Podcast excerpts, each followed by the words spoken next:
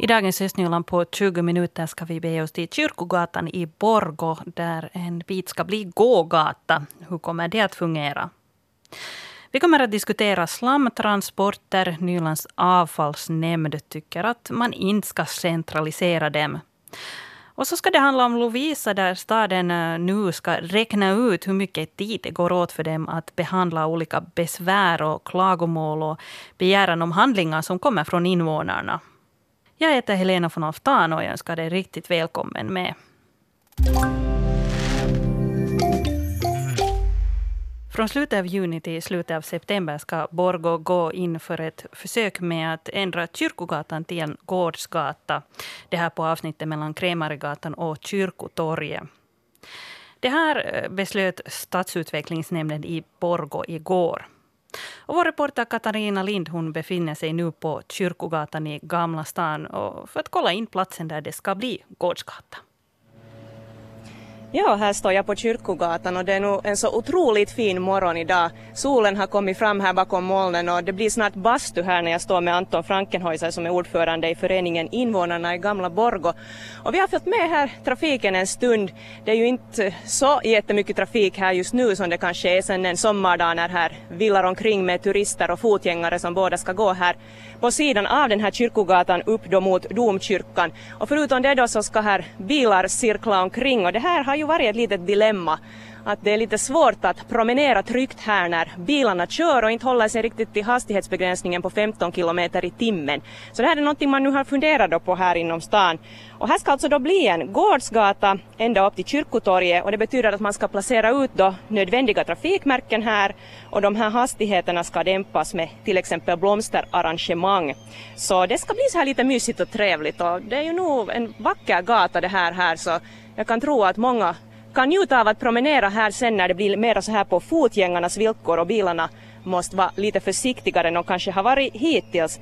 Anton Frankenhäuser, jag måste nog erkänna att ibland när jag är lite sen och jag ska ha ungarna dit till andra sidan på någon klubb och jag kommer här nere vid Krämaregatan och ska svänga upp hit så det här 15 kilometer i timmen det kan vara nog lite utmanande. Hur är det för dig när du är ute och kör här? Absolut är det utmanande att hålla sig till hastighetsbegränsningen men det gör det ju lite spännande också att göra det följa med vad som händer bakom en. Ja, och du hade en kompis just som stannade här med sin paketbil och så sa du att nåja, att vi ska göra jotto här nu den här gatan, att håll dig till 15 kilometer i timmen.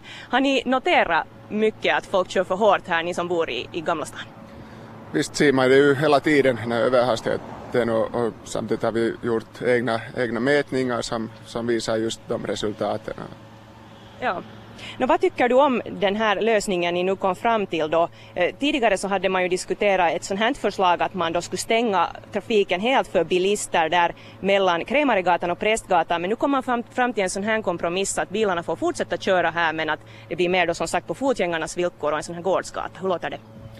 Det låter som ett bra försök och i synnerhet nu när vi har diskuterat fram det här beslutet eller försöket med, med de andra invånarföreningarna och alla är på samma linje att nu, nu provar vi så här. Mm. Nå, det finns då ingen annan lösning som ni hellre skulle ha sett eller? Någon lösning, någon helhetslösning är nog svårt att hitta men det där sakta men säkert går man ju mot mera fotvän, fotgängarvänligt så det här är ett steg framåt. Och det som du sa här innan vi började den här intervjun så var det att folk har kanske lite missförstått och trott att ni helt vill förbjuda bilar att köra här i Gamla stan och längs med den här gatan upp till kyrkan. Det är inte fallet alltså? Absolut inte. Det här är, hela den här grejen startar just med den här säkerhetsaspekten. Vi vill inte förbjuda genom trafik, vi vill att folk håller sig till hastighetsbegränsningarna och tar fotgängarna och cyklisterna i beaktande. Hur många sådana här farliga situationer har varit under åren? Ja, enligt statistiken så noll men enligt ert tycke? Dagligen. Hurdana situationer är det frågan om? Oftast är det så att två bilar möts och, och, och bilarna tar åt sidan för att rymmas och mötas och då träffar man i fotgängaren. Fotgängaren blir tillstött av speglar och sidor av bilen. Mm. Och tycker du att det är bra så som det är nu att fotgängarna ändå får gå på båda sidorna av den här kyrkogatan eller borde man då begränsa det till ena sidan av gatan? Det är på det viset att här bor folk i de här husen och deras trappor leder rakt ut till ut på gatan så, så absolut måste man gå på båda sidorna. Nåja, man ska då utvärdera det här sen efter det här försöket i slutet av september. Tror du att er röst kommer att bli hörd här sen inom invånarföreningen vad ni har tyckt om, om det här försöket med Gårdsgata? Absolut, mötet är fastslaget och vi kommer att träffas tillsammans igen med de andra invånarföreningarna och gå igenom resultatet. Här kommer att mätas och, och göra riktigt ordentliga undersökningar. Vi får se hur det här börjar löpa här. Tack ska du ha Anton Frankenhäuser för pratstunden. Tack.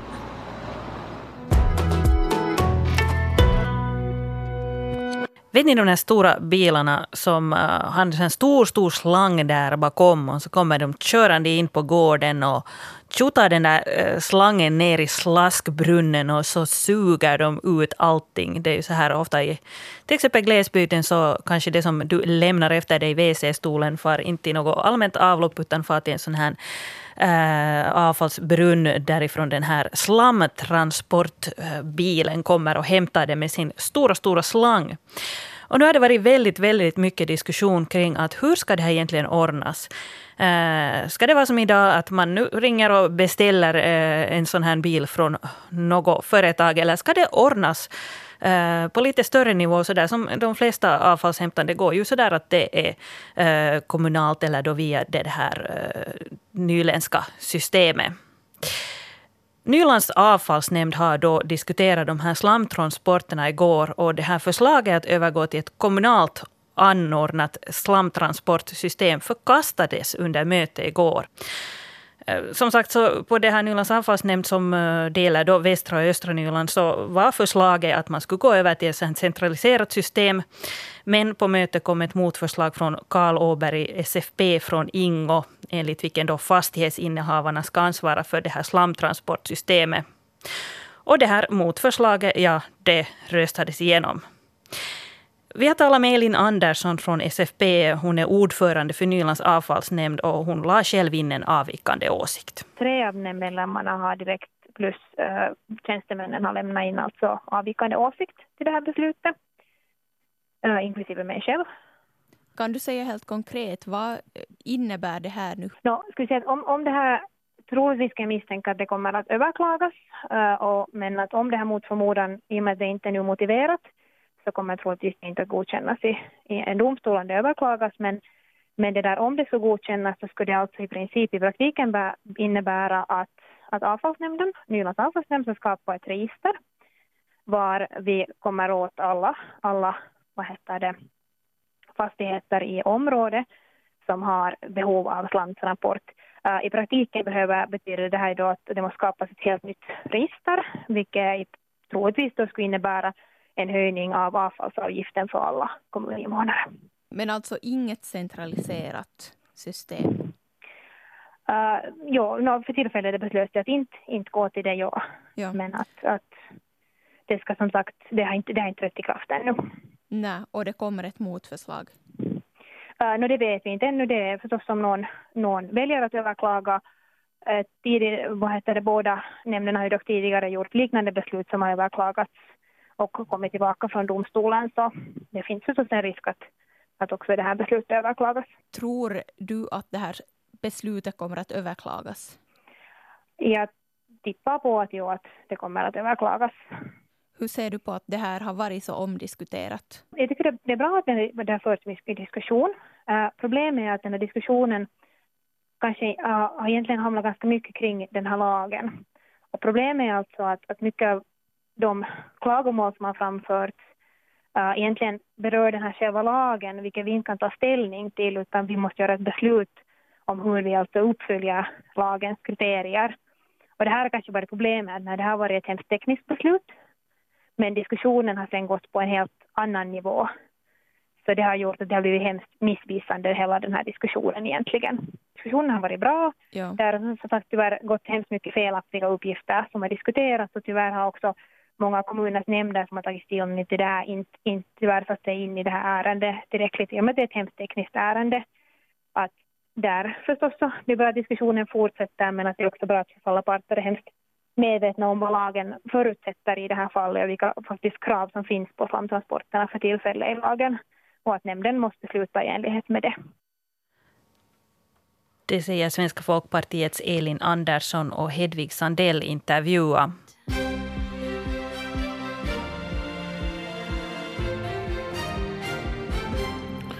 Klockan är halv nio. Det här är nyheterna från regionen Östnyland med Stefan Härus. God morgon. Oljebolaget Neste i Köldvik i Borgå släpper ut en mängd koldioxid som motsvarar utsläppen från halva Finlands bilpark. Det här skriver tidningen Osima idag.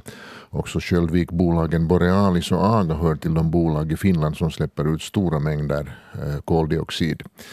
Borealis ligger på en tolfte plats i statistiken och Aga på en 21 plats. Vid Neste säger man att man för tillfället har som mål en energieffektiv reducering av utsläppen de närmaste åren på ungefär 5 procent.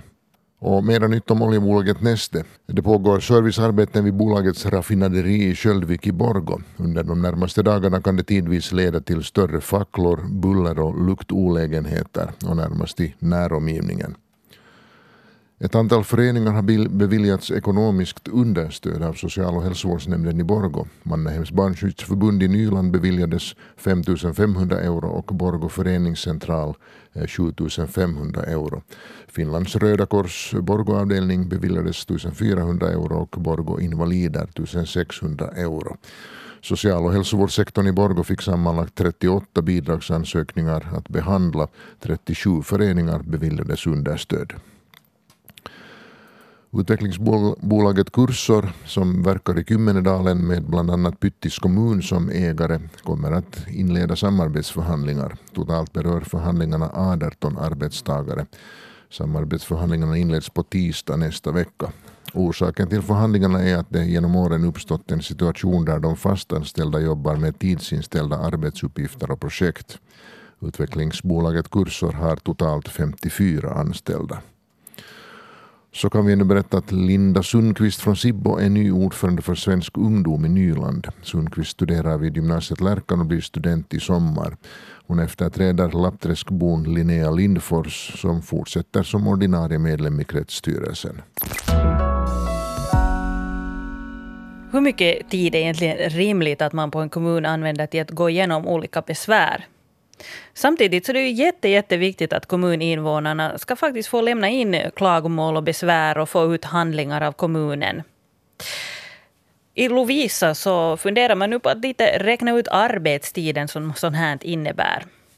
Det är så att kommuninvånare som inte är nöjda med något har rätt att lämna in ett klagomål eller begäran om handling. Och besvärsrätten det är en grundlagsenlig rätt för att trygga kommuninvånarnas möjlighet att vara delaktiga i beslut. Det är meningen att förvaltningen ska vara genomskinlig så att invånare har insyn. Men som sagt, det, går, det tar tid att gå igenom besvär.